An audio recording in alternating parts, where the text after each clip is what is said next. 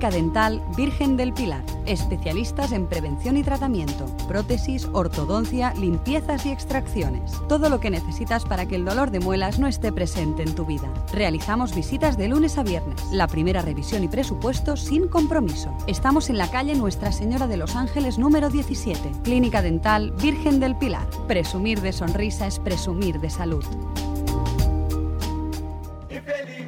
Ven a comer a Frankfurt Paco Junior 2. Todo tipo de bocadillos y tapas. Nos encontrarás en nuestro nuevo local del carrer Foras 3638 de Ripollet. Y si llamas al 93 691 86 56, tendrás toda nuestra carta disponible con servicio a domicilio. Frankfurt Paco Junior 2. Los mejores bocadillos de Ripollet.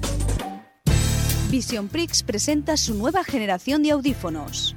Audífonos digitales programados de forma personalizada, casi invisibles y con una mayor captación del sonido. Ven a nuestro centro, realiza una revisión gratuita y te presentaremos todos nuestros servicios, limpiezas, revisiones y reparaciones. También ofrecemos diferentes complementos que te harán la vida más fácil, como despertadores especiales o amplificadores para el teléfono.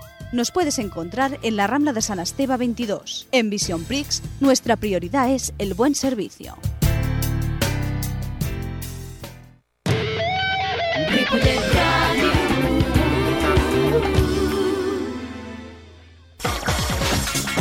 Infosport. Tot l'esport de Ripollet.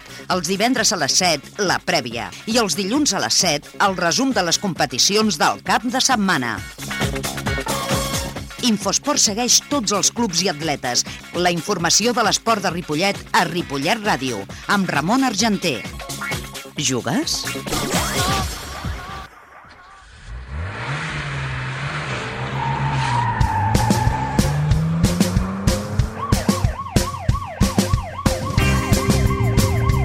Molt bona tarda, avui divendres dia 24 d'abril és l'edició número 30 del programa d'Infosport. Les vies de so Fran Lladullo, que us parla en Ramon Argenter. En el programa d'avui i per aquest ordre escoltarem doncs, l'entrenador de la penya deportiva Pajaril, Javi Varela, de l'encontre que jugaran aquest cap de setmana contra l'equip de l'Eixample de Barcelona. També tindrem les paraules de l'entrenador del futbol sala Ripollet, Antonio Estrevera, del partit que jugaran al camp del segon classificat, com és l'equip del Corbera. Miquel Arnau, entrenador i jugador del Club Tenis de Ripollet, farà una valoració dels equips de la Lliga Nacional i dels últims campionats d'Espanya de la categoria infantil que van disputar a Pontevedra. Farem també un repàs de tots els encontres d'aquesta jornada i, finalment, Manu i Miguel ens portaran, com a cada divendres, els protagonistes de l'esport base, que avui seran quatre atletes de l'equip d'atletisme del Ripollet Unió Atlètica, l'equip del RUA, que seran Carlos Roguera, Marta Alcoceba, Clàudia Martínez i Anna Calderón. Comencem ja i pararem del món del futbol.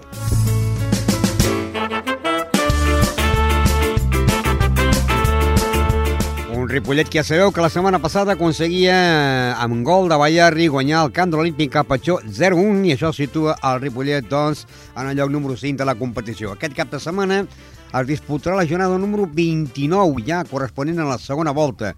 La Gramenet jugaria contra, jugarà contra el Can Fatxó, el Sant Cugat contra el Roses, el Parets contra el Vic, el Palau contra el Canovelles, el Mollet contra el Lloret, el Sant Feliu contra el Vilassar de Dalt, el Palafrugell contra el Granollers, el Rubí contra Bellavista i el diumenge a partir de les 12 el Ripollet jugarà contra l'equip del Sant Hilari. El Ripollet doncs, ocupa la plaça número 5. L'actual classificació és Rubí, 56 punts, seguit de la Gramenet amb 51. Vilassar de Dalt, 48, el mateix que el Palafrugell. El Ripollet ocupa la plaça número 5 amb 46 punts. Mollet del Vallès, 43. Olímpic Campatxó, 42. Vic, 40. Granollers, 39. Roses, 35. Canovelles i Palau de Plegamans, 34. Parets 30, i atenció, perquè en zona de descens directe està l'equip del Sant Hilari. És curiós, perquè tots els Sants han passat Setmana Santa i tots els Sants van a la cua. Sant Hilari, Sant Cugat i Sant Feliu, tots tres baixarien. També baixaria el Lloret de Mar i baixaria el Bellavista, o sigui que baixarien aquests cinc equips, però el Ripollet té la visita doncs, d'un equip perillós, i diem perillós perquè, és clar, la Lliga és molt forta, no? Quan juguem contra els equips de dalt, doncs lluiten per intentar doncs, superar el Ripollet. I quan juguem contra els equips de baix, aquesta gent lluita per intentar doncs, guanyar el Ripollet i marxar de la zona d'ascens directe, com és a l'equip del Sant Hilari, que si acabés la jornada aquesta setmana, baixarien automàticament doncs aquests cinc equips, Sant Hilari, Sant Cugat, que té 29 punts, el Sant Feliu, que, de Sacerres, que en té 28, el Lloret de Mar, que en té 27, i l'equip de Bellavista, que en té 24. Proper diumenge, a partir de les 12 de la migdia, el Ripollet doncs, jugarà contra l'equip del, eh, eh, equip del Sant, eh, Sant Hilari, l'equip doncs, que es situa a lloc número eh, 14 amb 29 punts. Un Sant Hilari la setmana passada guanyava a casa seva en l'equip del Sant Cugat per 2 a 0 i un Ripollet que ja sabeu que guanyava al camp del Camp Patxó, de l'Olímpic Camp Patxó per 0 a 1 amb gol de Ballarri.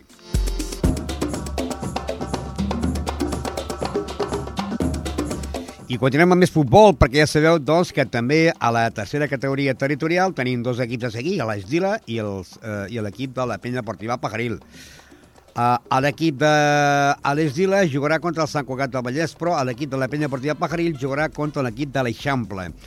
L'Eixample en aquests moments doncs, eh, ocupa la plaça número 11 de la competició, amb 27 punts, eh, i la, la penya ocupa la plaça número 3 amb 52 punts. Una penya que la setmana passada va perdre l'oportunitat de quedar segon, de posar-se a la segona posició, que li donaria opció a fer la promoció, perquè el primer pujaria automàticament i el segon promocionaria. Però què va passar? Que el partit que van disputar a la penya deportiva Pajaril i a la penya blaugrana Sant Cugat de Vallès va acabar amb un empat a dos i amb l'expulsió de dos jugadors del Ripollet, tant Monchito com Ismael El Niño. El líder ara eh, és el Parc, que té 28 punts, Sant Cugat 53, i la penya deportiva Pajaril és tercer amb 52, empatats amb la penya blaugrana Sant Cugat, que, Sant Cugat, que, que també té 52. Anem a recordar que aquesta setmana eh, Javi Barrio ens diu que jugaran contra l'equip de l'Eixample i que és un partit molt complicat. Sí, partit complicat també. Un partit complicat, és un camp, un camp petit, un camp de, de xespa de l'antiga i és un equip que, encara que la classificació el fica allà baix, és un equip que, que apreta molt, apreta molt a casa, a més a més. A més, aquí va quedar 4-3. 4-3, sí, sí, va costar moltíssim, perquè és el que dic, no? O sigui, tècnicament tampoc no són gran cosa, però és un equip que, que corre els 90 minuts, es complica la vida d'una manera... Eh, són molt forts, molt forts. És un equip que hem de tenir molt de compte a guanyar ja la primera part, deixar-lo solucionat i, i marxar cap a casa amb els tres punts. El Mirasol jugarà contra el Parc. En principi, doncs, pot ser que el Mirasol també donés la sorpresa en aquest partit? Home, jo confio, confio en el, en el Mirasol perquè el Mirasol és un equip que pot guanyar qualsevol i ho va demostrar davant de nosaltres i davant de tots els que hi han anat al seu camp. Un camp molt complicat, complicadíssim, és de les pitjors sortides que n'hi ha. El Parc, eh, si perd aquesta setmana, ells aniran en pressió perquè el Parc ha de descansar després de Mirasol i el Parc sap que si perd a Mirasol i després descansa i nosaltres guanyem, aquí és, és on agafarem el, el liderat o com a mínim la segona plaça. A més a més, segur, perquè penseu que la setmana que descansa el Parc s'enfrenta al Sant Cugat amb la penya. I aquesta setmana també es juguen la, la penya de Sant Cugat contra el Júnior, un partit que també podria ser victòria del Júnior, no? També, també. També és un partit que, que el Júnior pot, pot donar la campanada, sí, sí, però tranquil·lament. Amb la mà al cort, eh, després de l'empat ahir, l'important que ha sigut victòria. Però, a veure, havent-hi un empat, com que empateu a, a 52 punts, tant la penya com la Sant Cugat, la penya blaugrana, Sant Cugat, 52 punts, i el Sant Cugat en té 53, eh, el Parc en té 55, doncs eh, es pot dir que la, el segon lloc el podeu encara conquistar o no? Sí, sí, totalment, és el que dic. O sigui, nosaltres, eh, clar, a veure, el que passa que ara és diferent, perquè si nosaltres haguéssim guanyat, clar, nosaltres dependíem de nosaltres mateixos. Ara hem de dependre d'un equip, i aquest equip, curiosament, és la penya. La penya és qui té la clau per nosaltres. La penya és qui el que ha de jugar amb el Sant Cugat i amb el Parc. Si la penya li gana al Sant Cugat i nosaltres guanyem el nostre partit, que és el que hem de fer, ja ho tindríem, matemàticament. I si a l'últim partit també és capaç de guanyar el par i nosaltres també som capaços de guanyar els partits que ens queden, ja dic, si la primera plaça gairebé seria segura, la segona segur, perquè eh, la donaria la penya. I suposo que encara que hagi empatat, la moral segueix ben alta, no?, dels jugadors? La moral segueix molt alta perquè els jugadors... És, eh, mira, ells saben de sobre que, que el dissabte no va ser un bon resultat ells ho saben i ja ho van dir el mateix dia que va acabar el partit. El que passa que també hi saben que l'esforç que, que han fet durant tota la temporada no el pensen llançar en un partit. És a dir, ells van lluitaran, els quatre partits que, que, que queden, lluitaran a mort. Si ho aconseguim, molt bé, i si no, per ells no quedarà, això segur, segur. Tenen moltes ganes d'intentar fer alguna cosa bona, això segur. Futbol, futbol. Doncs bé, després d'aquest empat a dos, endavant de la penya del Barrona Sant Cugat, doncs el Parc és líder en 58 punts, seguit del Sant Cugat en 53, penya Portia Pagaril 52, la penya Blaugrana de Sant Cugat 52 també, Joventut 25 de setembre 40, Montbau 39, La Farga i Júnior 38, Roureda i Mirasol 33, l'Eixample 27, Sagrarenc 23, la Puntació 19, el Gespa 13 i tanca l'equip de l'Esdila amb 0 punts. I la setmana passada l'equip de l'Esdila va perdre el camp del Júnior per 6 a 0. Júnior 6, Esdila 0 i Penya Pajaril 2, eh, Sant Cugat 2. Aquesta setmana l'equip de l'Eixample doncs, jugarà contra la Penya. El partit començarà diumenge a les 6 de la tarda, l'Eixample de la Barcelona contra la Penya Martí Pajaril i l'Eixample ocupa la plaça número 11 amb 27 punts, mentre que la Penya és tercer amb 52 punts. Per altra banda, l'Esdila jugarà a casa davant del Sant Cugat del Vallès i el Sant Cugat és segon. Eh, seria bo, seria bo que la primera victòria de l'equip de l'Esdila es carregués a benefici de la penya al Sant Cugat de Vallès, que és segon amb 53 punts, mentre que l'Esdila ocupa la plaça número 15 amb 0 punts. Encara no ha guanyat cap partit. Aquest partit doncs, eh, se jugarà aquest diumenge a partir de les 10 del matí. Esdila Sant Cugat. Deixem ja el món del futbol parlant de l'equip de la de Fut, que ja sabeu doncs, que la setmana passada va jugar dos partits. Un va jugar eh, aquell partit que es va passar davant de l'Europa, que es va ajornar perquè va morir el germà de l'entrenador José Tinoco, el germà de Manolo Tinoco, entrenador de la de Fut. El partit contra l'Europa es va jugar aquest cap de setmana i van perdre per 1 a 4 i va marcar l'únic gol Je- Jessica. Mentre que el diumenge varen guanyar en el camp del Tiana per 0-7 amb un gol de Nàdia, eh, dos de Jolanda, tres de Blanca i un de Jèssica. I aquesta setmana l'equip de la de fut femení jugarà contra el Cirera de Mataró aquest dissabte, dia 25, a partir de la una del migdia en el camp on juga tant la penya partida Pajaril com a l'Esdila i a la de fut femení. Futbol sala. Futbol sala.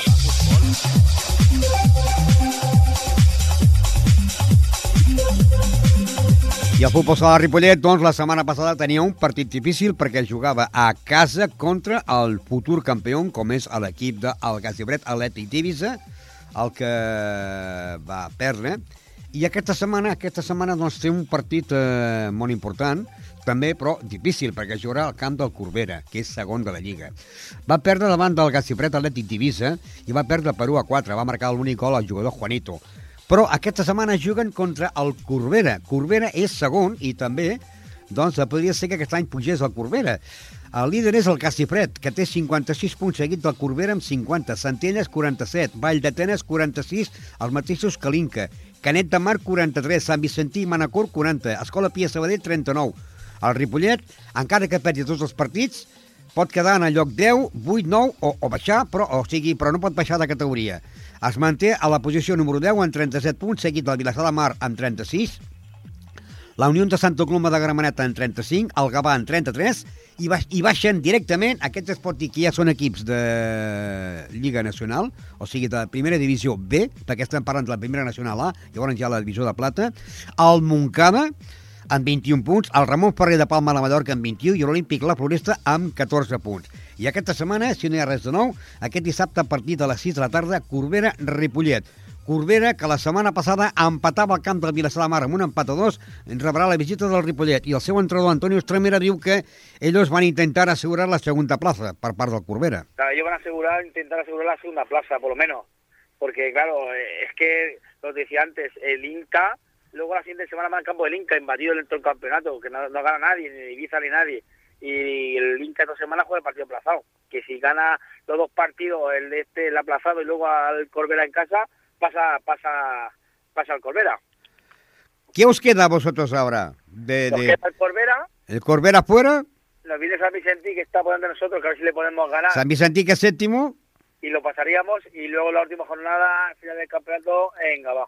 En Gabá, Gabá, que también está, bueno, está salvado, ¿no? Sí, está Sí, salvado. Gabá está salvado. Ahora, ¿te pensabas tú que el Moncada mm, descendería? No. Lo que ha sido Moncada, que quitando todo año nacional, los últimos nueve ha jugado ocho ascensos a la División de Plata y ha tenido Vicentín, Pato, Ferreira, jugadores que han sido internacionales por España y subcampeones del mundo y campeones de Europa, ¿eh? Y lo, para que veas, no toda la vida es dinero, Ramón. Ha llegado ya. a gastarse hasta 80 y 90 millones de- por temporada y mira dónde está ahora. Ramón, Eh, Ferre, Ramón Ferré y el Olímpico de la Floresta, sí, los veías aquí abajo. El Ramón Ferrer sube y baja. La Foresta lleva dos años, es un equipo histórico, lleva más de 15 años nacional y lleva tres años sube y baja. Un equipo competitivo, no me lo esperaba, pero mira. ¿Y te, te Eh, esperabas el Gabá eh, No, a- a- a- abajo de todo como está en el puesto número Otro 13? equipo que ha estado muchos años en División de Plata y con la plantilla que tiene tampoco me lo esperaba. ¿Y el Vilassar de Mar? el Vilasar. Pero el campeonato ha estado muy igualado, pero la segunda vuelta eh, mucho han pegado bajón, entre, entre ellos nosotros y otro ha sido al revés, han ido por arriba. Ya se está acabando la liga. Para la próxima temporada, ¿vas a mantener el equipo al completo o algún jugador será por ahí? No. Y cuando eh, digo irá la por ahí, semana- irá a pitar por un club. De momento, la semana pasada se habló con toda la plantilla que se cuenta con los 17 jugadores. Y se dijo que hasta antes de finales de junio, la última semana de junio, nos tiene que decir quién se quiere ir, si alguien se quiere ir, y oficial con otro equipo. Pero nosotros contamos con los 17 jugadores. Así que depende de ellos el que se quiera ir, que tenga una oferta. Este club nunca nunca cierra las puertas a los jugadores que progrese. Pero si se quieren que vayan para progresar. Si van para ir para abajo, creo que sí que varían. Pero contamos con los 17, ¿eh? O sea, ya firmarías que todos se quedasen, ¿no? Sí, a ver si el año que viene, si claro que firmaría. Para mí es más difícil, porque cada semana tengo que dejar cinco fuera de la convocatoria. Pero ya yo firmo y, y el año que viene, pues que a ver si pegamos ya el salto de una vez. Y de, incor- equipo hay, ¿eh? Equipo hay. y de incorporarse, hay, ¿se incorporaría alguien más? ¿Se incorporaría alguien nuevo? habrá. Sí, sí, sí. Que entrenador sí se habrá, pero bueno, pero que afición y equipo sí que hay. Yo digo que sí que se incorporaría algún jugador nuevo. No, no, no. ¿Ni alguien del B que suba para arriba? Nada, de momento no. Con la plantilla es 17. suficiente, ¿no? La plantilla es suficiente. Y está equilibrada. El O- año que viene hay que corregir todos los errores que hemos tenido este año, porque hemos tenido muchos errores, sobre todo la segunda vuelta, y a partir de ahí, a ver la venida temporada que viene. Pues suerte y a ver si se consiguen los eh, pu- puntos importantes porque yo creo que va a ser un partido muy duro en, en la pista del Corbera, ¿no? Sí, un partido muy duro. A ver si nosotros intentamos ganar al Colvera y decimos al San Vicentico el- el aliciente de intentar quedar sextos. A ver, a ver, ¿por qué no? ¿Por qué no? Futbol sala. Futbol sala. Futbol I continuem més futbol sala perquè també hem de dir que el Ripollet B, que milita en el grup segon de la primera preferent, catalana, doncs la setmana passada tenien que jugar contra el Barri Besòs i aquest partit es va suspendre perquè l'equip del Barri Besòs tenia pocs jugadors i no es podien desplaçar. El partit es tenia que jugar en el seu propi camp. En aquest cas, el líder de la competició és l'equip del Sant Celoni, que té 57 punts, i el Bonaire, la Unió Bonaire, és segon en 58, i l'equip del Ripollet ocupa la plaça número 8 en 38 punts. Aquesta setmana, doncs, es disputarà ja la jornada número 27 i s'enfrontaria el Ripollet B aquí a casa dissabte a partir de les 5 de la tarda contra el Castellnou. Un Castellnou que ocupa la plaça número 13 amb 25 punts, un Castellnou que aquesta setmana va apallissar en el corista el Baells per 14 a 4. Per tant, l'equip del Castellnou, proper rival del Ripollet B, que ocupa la plaça número 13 amb 25 punts, estarà fort, però el Ripollet pensava que està més fort i descansat aquesta setmana no va jugar. El Ripollet és vuitè amb 38 punts. El partit Sonia Res de Nou començarà dissabte a partir de les 5 de la tarda, Ripollet B, Castellnou. Continuem amb més futbol sala, en aquest cas futbol sala femení, perquè l'equip del Can Clos, doncs, la setmana passada viatjava a Canàries per jugar contra el Risco Verde i perdia per 6 a 2 amb gols de Nerea i de Vanessa. El líder és el Castelldefels, eh, seguit del Vallirana, el Castelldefels 30, 49, Vallirana 39, Rubí 38, Saragossa 30, Risco Verde de Canàries 30, Penyes Plugues 26, a Can Clos de Ciutat al lloc número 7 amb 22 punts. El Vinaròs és 8è amb 21, Centelles 20, Masnou 16 i en zona de descens el Safranat Torrent de València amb 12 punts i el Caldes amb 5 punts. Aquesta setmana l'equip del Can Clos jugarà a casa contra els Centelles, un Centelles que la setmana passada empatava a casa davant del Safranat Torrent amb un empat a 3. El Centelles és novena lliga amb 20 punts i el Can Clos és setè amb 22 punts. Aquest partit començarà aquest dissabte a les 5 de la tarda. Can Clos, eh, Centelles dintre de la divisió de plata femenina. Acabem el futbol sala dient que l'equip femení que milita a la primera divisió, doncs eh, el partit que es tenia que disputar entre el Can Clos B i el Sant Pedort, aquí a Ripollet aquest partit es va suspendre per què? perquè les noies del B van aprofitar per fer el viatge a Canàries amb l'equip A i passar un cap de setmana allà, no? El líder d'aquesta competició és el Sabadell, que té 58 punts, seguit de l'Arenys de Munt en 50, i l'equip del Can Clos B doncs, està en el lloc número 8 de la competició de, amb 30 punts. Amb zona de descens directe, el Capellades, que en té 16, i el Granollers, que en té 3 i ocupa la plaça número 14. Aquesta setmana el partit entre l'equip del Can Clos B de la primera divisió femenina seria aquest dissabte a partir de les 4 de la tarda Can Clos B, ciutat de Granollers. El Granollers és l'últim del grup amb 3 punts. Un Granollers que aquesta setmana va perdre 3 a 1 davant del Palau de Plegamans contra un Can Clos B que mantindria en aquest cas la, la primera divisió femenina i ocupa la plaça número 8 amb 30 punts. Aquest partit, de, aquest dissabte a les 4 de la tarda, Can Clos B, Granollers. Hockey. Hockey.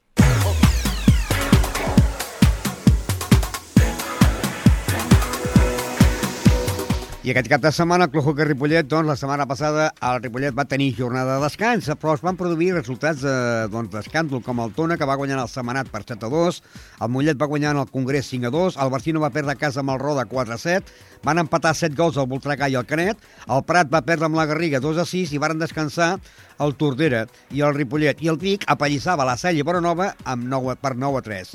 Líder Vic 55 punts, seguit del Mollet amb 49, Roda 46, Barcino 37, Canet de Mar 34, La Garriga 32, Congrés 31, Tona 29, Voltregà 26, Ripollet ocupa la plaça número 10 amb 23 punts, La Salle Baranova 22, Setmanat 19, Tordera 16, Prat de Llobregat 13 i Mataró 14.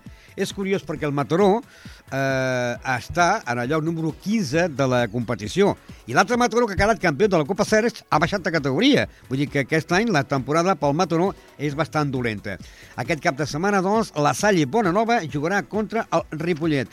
La Salle Bonanova en aquests moments eh, ocupa la plaça número 11 amb 22 punts i el Ripollet la plaça número 10 amb 23 punts.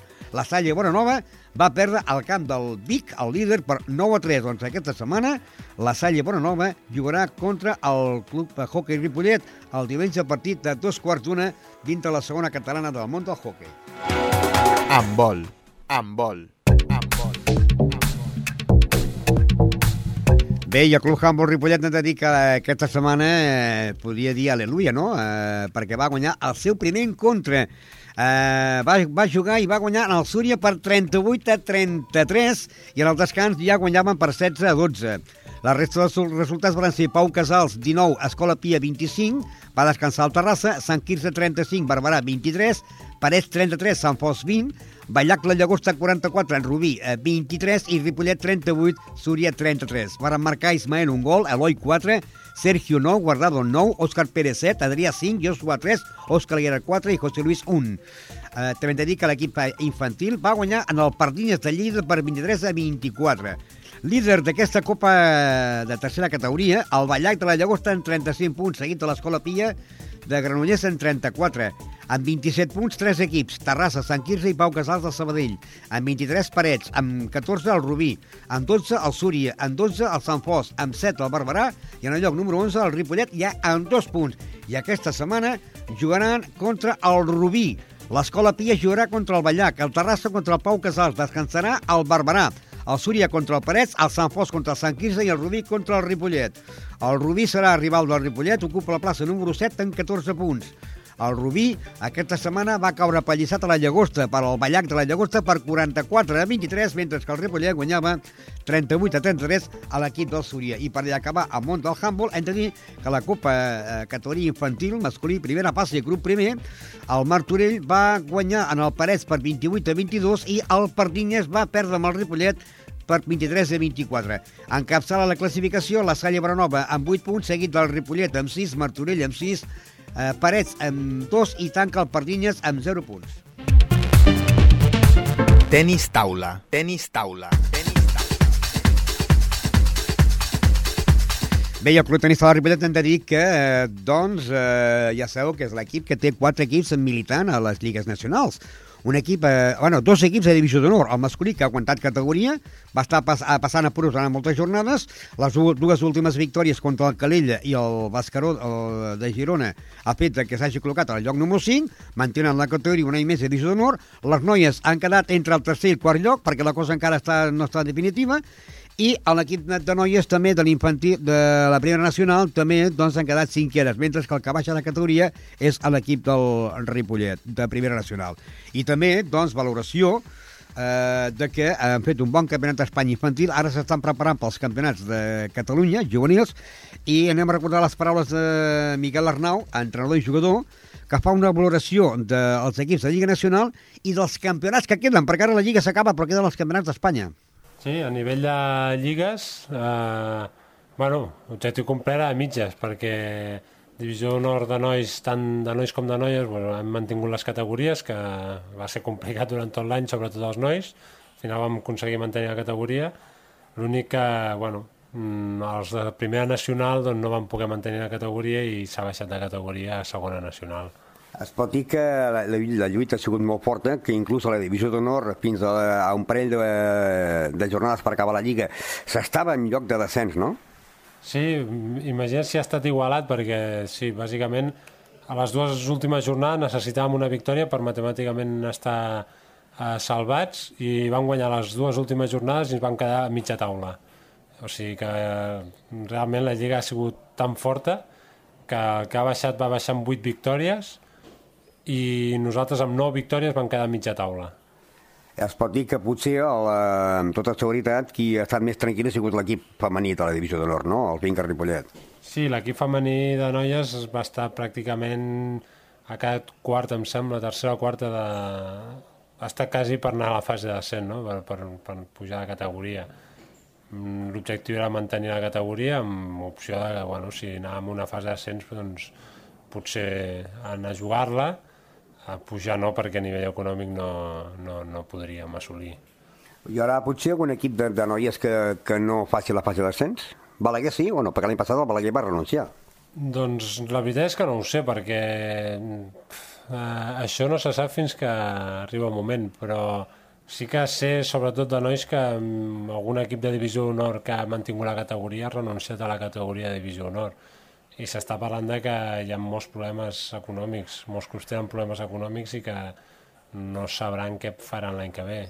Nosaltres estem dins d'un d'aquests clubs, no? que hem mantingut la categoria de divisió d'honor de nois, per exemple, i ja veurem que, com plantegem la temporada que ve, perquè a nivell econòmic mmm, no podem mantenir l'equip que tenim. Llavors, també hem de dir que l'equip de Primera Nacional ha baixat de categoria, però que les noies de Lliga Nacional doncs, també han fet un bon paper no, en aquesta lliga.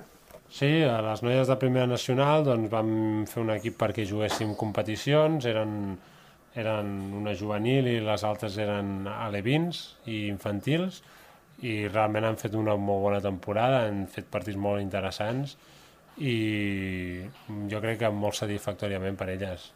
I llavors, finalment, podem dir que l'equip de la divisió nord catalana, el Sant Daco Ripollet, també eh, va estar a punt de salvar-se. El que passa que s'esperava una carambola que no va passar, no?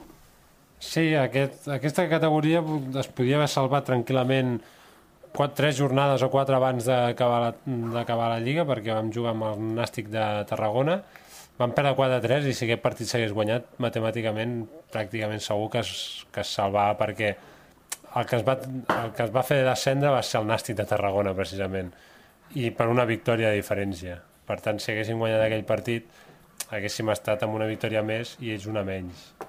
Ara ja s'han acabat les lligues, ara que queden campionats d'Espanya i de Catalunya a nivell d'equips de, de base?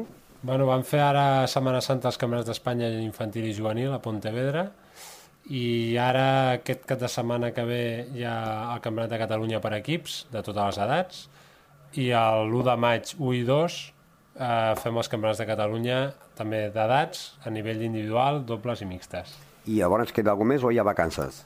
No, després encara queda molt. Encara queda el top, de, el top 12 estatal, a Calella, Després també segur que queden algunes sortides a nivell de la selecció catalana i després també hi ha el Campionat d'Espanya a Devi i Benjamí. I llavors ja comença a preparar la temporada que ve, no? Sí, eh, bueno, primer hem d'acabar la temporada que s'acaba el juliol, la, la, setmana, la primera setmana del juliol és l'últim campionat d'Espanya i després ja comencem a preparar un altre cop la temporada de l'any vinent. Miquel Arnau, que aquest any s'ha quedat sense el trofeu Imposport. Bueno, això vol dir que hi ha gent que apreta fort, també. Aquest any ha sigut Cristóbal García, de l'equip de divisió d'honor masculí, eh, Freddy Pajul, de la primera nacional, i Berta López, eh, la jove jugadora de l'equip de la divisió d'honor femení. Sí, sí, no, la veritat és que, bueno, eh, m'hagués agradat poder aconseguir un altre cop, ja feia dos anys que, que ja anava a recollir el premi, però bueno, l'any que ve ho intentaré un altre cop. Bàsquet, bàsquet, bàsquet. I anem al món del bàsquet, el Club Bàsquet Ripollet, doncs, que a la Copa Catalunya, grup primer, el Club Bàsquet Ripollet la setmana passada guanyava en el Sant Andreu de Nazaret de Badalona per 78 a 69 i ara ocupa la plaça número 9 de la competició amb 40 punts. Aquesta setmana juga a la pista del Sant Cugat del Vallès. És casualitat que tant l'equip A i l'equip B del Ripollet juguen contra el Sant Cugat A i Sant Cugat B. Eh, uns jugaran el diumenge, dissabte, Sant Cugat, eh, Ripollet A, i eh, també dissabte, eh, quan acabi el partit, doncs a dos quarts de nou, Sant Cugat B, Ripollet B. En el primer partit, el Ripollet ja va guanyar el Sant Cugat per 67 a 62. En aquests moments el líder és el grup Osorio de Badalona, però el Ripollet està eh, en el lloc número 9 i li convé la victòria perquè, atenció, els dos últims baixen de categoria, com són el Figueres i el Sant Cugat, precisament. Ara baixarien de categoria i promocionarien per la permanència a l'Alella, el Castellà, el Malgrat i l'Arenys. I es podrien salvar mo- momentàniament el Salt de Girona i el Ripollet. Això perquè fa el primer equip. Perquè fa el segon equip, el Ripollet B, ho té bastant fumut. També juga contra el Sant Cugat i el Sant Cugat B ja va guanyar aquí Ripollet per 66 a 62 i la classificació en aquests moments està en zona de descens directe al Ripollet B. Baixaria amb 34 punts i també baixaria l'Artés. Ha d'intentar guanyar per, i com a mínim, pujar en el lloc 11, 13 i 14 o 12 perquè així es fer la promoció de permanència. Anem a recordar unes paraules que manteníem amb Jaume Mogues, el president del Club Bàsquet Ripollet, ja fa temps, concretament el dia 20 de març, que ja veia ell que la cosa estava molt malament per, per aguantar, aguantar la categoria. Home, el primer equip doncs, eh, teníem eh, un cop fet confeccionat a l'equip creiem doncs, que estaríem en una zona més tranquil·la i la, veritat pues, el grup és un grup molt irregular i nosaltres també hem estat irregulars no? i aleshores estem en una zona mitja baixa però que també podríem estar mitja alta no? i això et demostra doncs, que el, el grup que tenim doncs, està molt igualat no? i en quant al segon equip, el sènior B és un equip doncs, que sempre el volem doncs, de cara a anar formant, acabar de fer el jugador que puja de la cantera i sempre doncs, eh, és un equip doncs, que ens costa de fer-lo doncs, perquè és una edat doncs, que els nanos doncs, estan amb els estudis, el treball comencen i no, no pots comptar a l'inici de temporada tots regularment però al final doncs, eh, hem aconseguit doncs, que l'equip estigui complet i una regularitat important amb, amb l'assistència als entrenaments, als partits i a l'hora de la veritat doncs, bueno, hem aconseguit doncs, que també jugadors del, del segon equip doncs, hagin pogut passar a jugar a reforçar doncs, el primer equip i han donat un bon resultat. Vol dir que si seguim aquesta línia, doncs encantats a la vida, no? I en quant a la classificació, doncs ens agradaria poder mantenir la categoria, doncs perquè és important, el que passa que aquest any que ve, doncs amb la situació econòmica que hi ha, doncs mantenir un equip com el que tenim ara, doncs eh, el segon equip em refereixo, el sènior B, mantenir-lo en, el, en aquesta competició és molt costós i eh, el sabrem dintre d'un mes aproximadament o un mes i mig aviam si poguéssim ja tenir tancat el, tancat el pressupost de l'any que ve per poder treballar amb aquest aspecte i saber exactament què, què passarà, no? perquè com bé sabeu, doncs avui en dia tots els clubs, a tots nivells, a tot tipus d'esport, tothom està plorant, no? I plorem perquè tenim dificultats en cobrar la publicitat estàtica que, que tenim concertada i hem d'anar moltes vegades darrere de la gent. Això demostra doncs, que hi ha dificultats a, a tot arreu, no? La il·lusió quina és? Pues, bueno, hem de, que es farà la reforma del pavelló en aquí i tot plegat doncs, potser tornem a recuperar una miqueta més la il·lusió doncs, que hi ha i la gent que treballa pel club doncs, pugui comprometre's a continuar amb nosaltres. Bàsquet. Bàsquet. I acabarem al món del bàsquet dient doncs, que el Club Bàsquet eh, Gasó Caixa Girona aquest cap de setmana jugarà a la pista del Llinars dissabte a les 19.45. El Gasó és quart a la Lliga amb 40 punts. A la Vell Gasó és líder del grup 5è, eh, jugarà aquest cap de setmana a la pista del Gràcia dissabte a partir de les 6 de la tarda. La Vell Gasó és líder amb 46 punts. I finalment, a l'equip femení del eh, el femení del Gasó jugarà aquest diumenge a partir de les 11 contra l'Ateneu Montserrat. El femení Ripollet ocupa la plaça número 9 en 32 punts i el líder és el Martí Juràssic. Aquest partit començarà a partir de les 11 del matí. I hem de dir també que en el món del de, tennis, doncs el Club Tenis en Ripollet, l'equip de més de 40 anys, jugadors de més de 40 anys, tindran jornada de descans, mentre que l'equip de la primera divisió B, per jugadors de més de 18 anys, aquest dissabte jugaran a partir de dos quarts de quatre a la pista del Torre Ribera. Un Torre Ribera que és eh, cinquè a la Lliga, amb un jugador, eh, equip que és quart, com és el tennis. I ara doncs, posarem, com sempre, eh, avui, eh, l'últim divendres ja del mes d'abril, Mani Miguel ens porten a quatre atletes de l'equip de l'atletisme del RUA, Ja sabeu que sempre aquest espai dediquem a l'esport base, a aquest final de temporada, i que avui anirem ja amb el primer protagonista. Precisament, eh, Carlos Roguera és el primer protagonista i Carlos Roguera, el seu germà, és un gran jugador, un gran eh, atleta que ha tingut campionats d'Espanya i de Catalunya. Buenas tardes, Ramón. Esta semana, como dijimos, toca atletismo. Y no traemos a dos, sino a cuatro protagonistas. Ellos son Carlos Roguera, Marta Alcoceba, Claudia Martínez y Ana Calderón. Así es, Manu, unos chicos que tienen entre 11 y 13 años y nos convencieron de que el tópico de que el atletismo es aburrido es totalmente incierto. ¿Por quién empezamos entonces, Miguel? Pues empezamos por Carlos Ruguera, un joven de 11 años que estudia sexto de primaria en la Ginesta. Carlos nos cuenta que lo importante del atletismo no es ganar, sino pasárselo bien. Vamos a escucharlo. ¿Eres seguidor de otro, de otro deporte aparte del atletismo? Sí, de, bueno, no lo practico, pero soy seguidor de fútbol, ¿De qué equipo? del español. ¿Este año qué? Bueno, ¿Cómo lo ves? ¿Lo salvaréis? supongo que sí. ¿Cuál es tu película, serie o programa favorito de televisión? Eh, Cracovia, ¿Qué personaje te gusta más?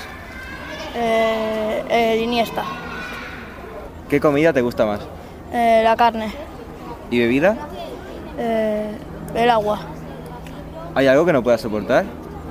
eh, sí, la verdura, Lo que más te gusta de Ripollet. Su gente, ¿Cómo nació tu pasión por el atletismo? eh, porque mi hermano empezó a practicar y a mí también me gustaba. ¿Y en qué campeonato debutaste?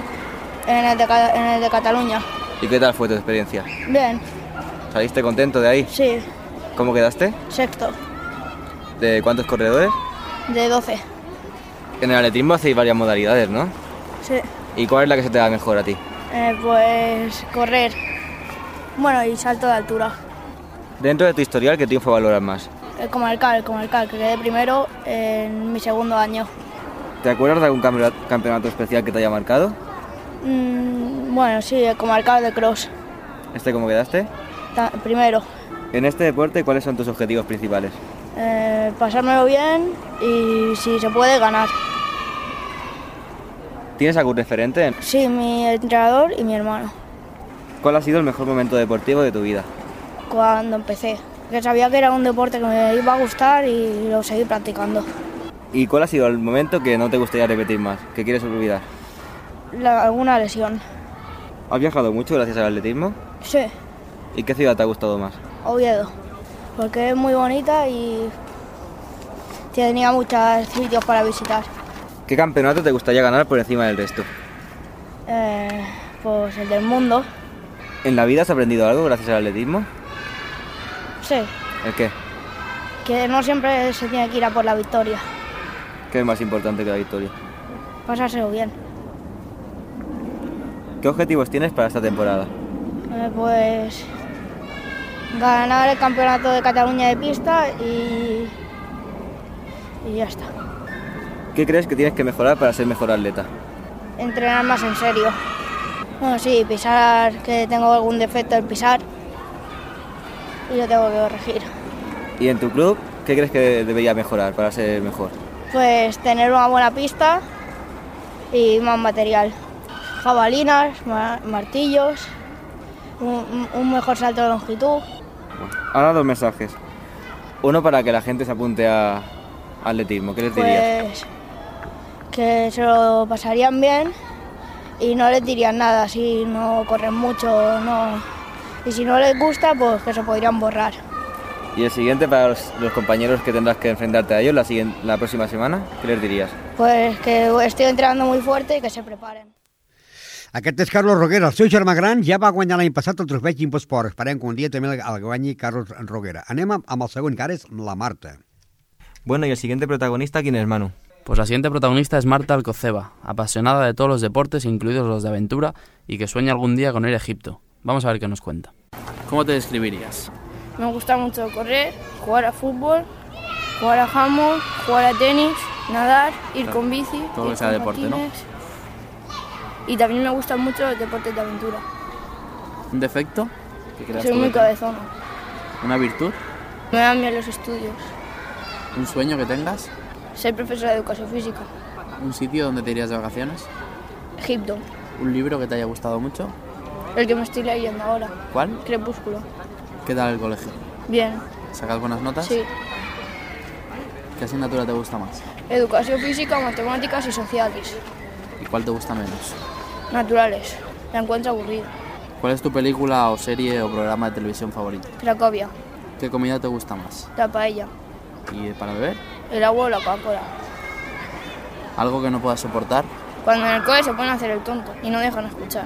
¿Cómo nació tu pasión por el atletismo? Apuntándome a una carrera con el colegio. ¿En qué torneo debutaste? La primera carrera fue en el Club Vila de Ripollet. ¿Cómo quedaste? Segunda. Muy bien, ¿no? Entonces la experiencia.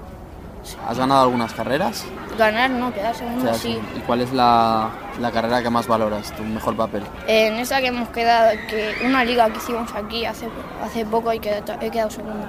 ¿Cuál es el objetivo principal de este año para ti en el atletismo? Pasármelo bien y ganar algún triunfo. ¿Tienes algún referente, algún atleta famoso o alguien en que te fijes para mejorar? Marta Domínguez. ¿Cuál ha sido el mejor momento deportivo de tu vida? Estos años, ¿Qué campeonato te gustaría ganar por encima del resto? pues el de Cataluña, ¿Y ¿Cuál es la modalidad preferida del atletismo? longitud, ¿Has aprendido algo gracias al atletismo? a correr bien. ¿Y de tus compañeros qué has aprendido? Pues que no tienes que tener ninguna obsesión por ganar. Que si lo haces mal no pasa nada. ¿Qué crees que tienes que mejorar para ser mejor atleta?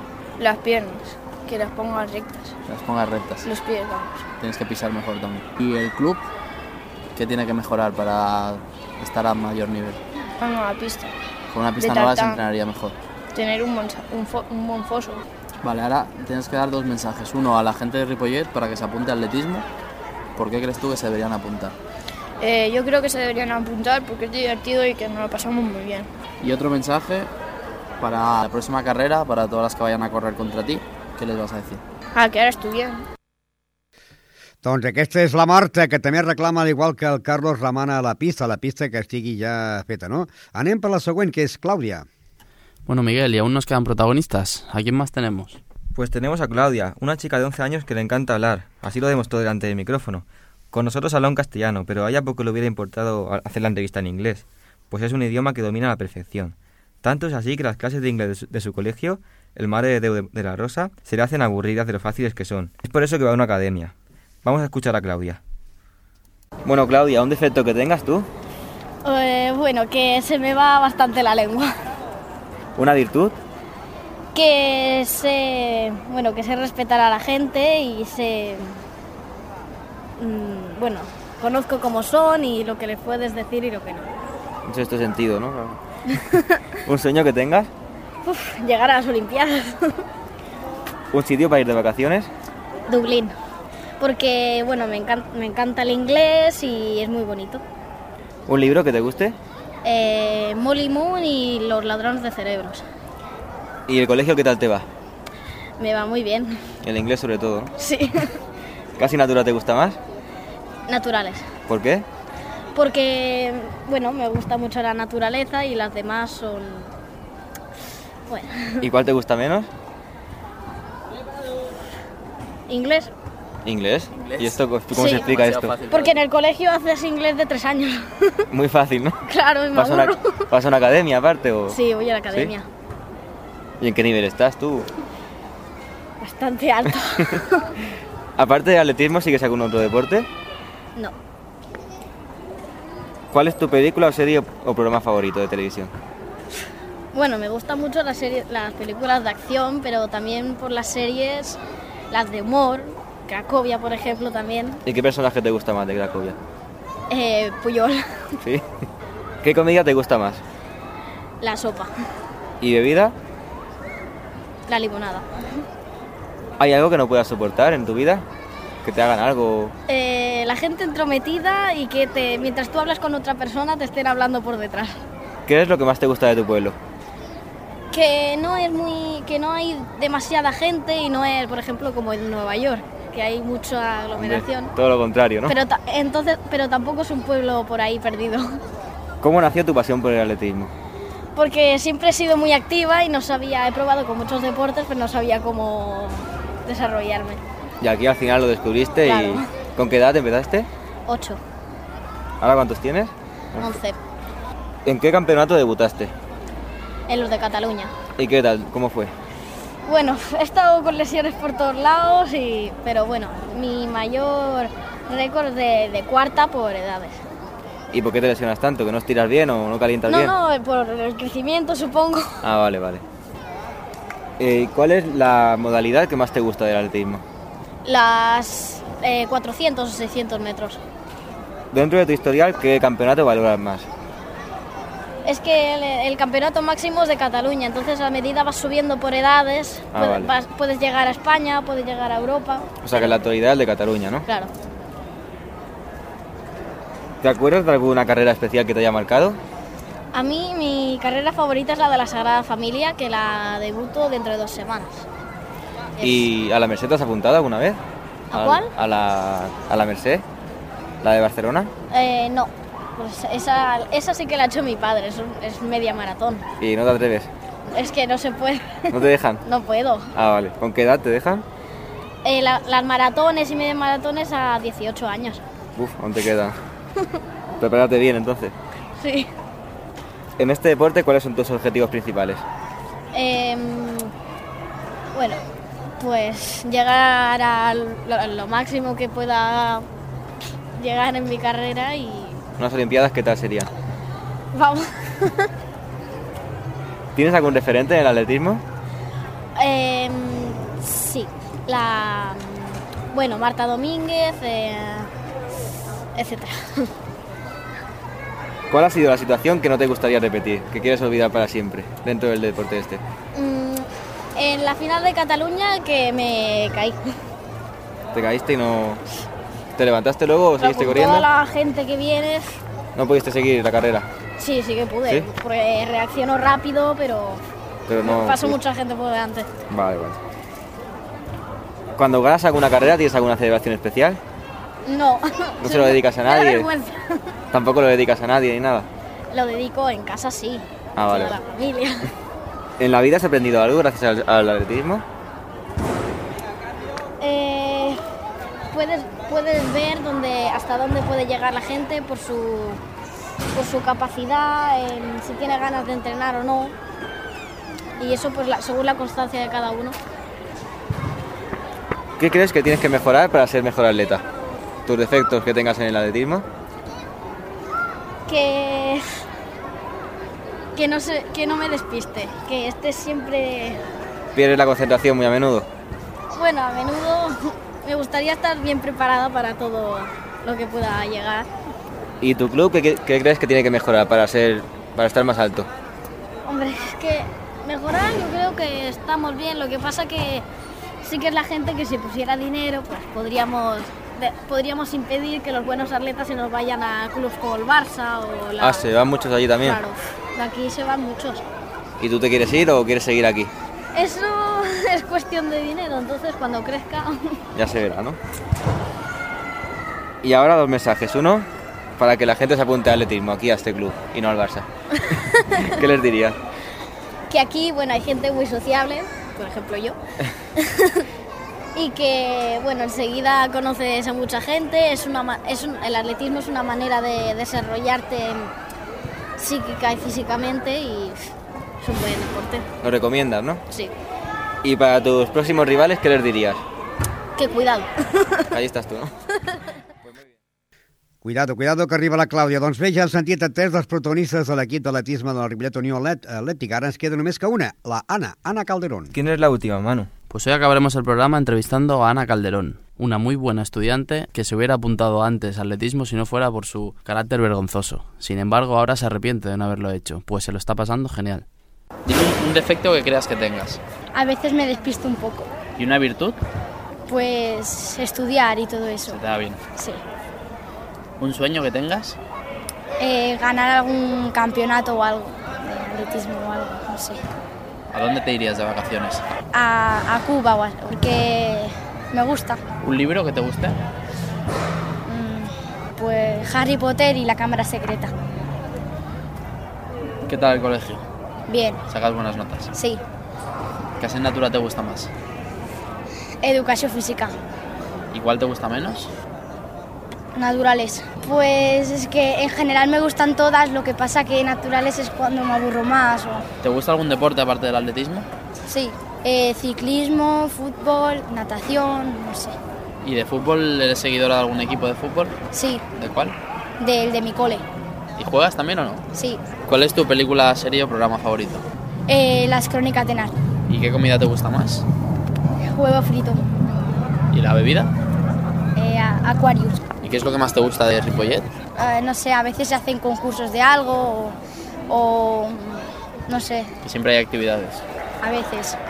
¿Cuándo empezaste a, a correr? En diciembre del, del 2008. ¿Por Bueno, qué empezaste? eh, porque ya iba, concursaba, pero en escolar y como me quise apuntar a- hace tiempo, lo que pasa que me daba vergüenza, entonces al final el año pasado decidí apuntarme. ¿Pero ¿Por qué te da vergüenza? Por la gente, no sé, porque, Porque no conocías a nadie. claro, solo de vista, de... pero al final sí que me he apuntado. Ya tienes muchos amigos, ¿no? Sí. ¿Y cuál fue el primer torneo, bueno, la primera carrera Eh, creo que fue una en Sabadell. y qué tal fue? Bien, ¿Te lo pasaste bien? sí. Aunque un poco nerviosa al principio y eso, porque no era la ¿Qué triunfo valoras más? ¿Si has ganado alguna carrera o cuál valorarías más si la ganases?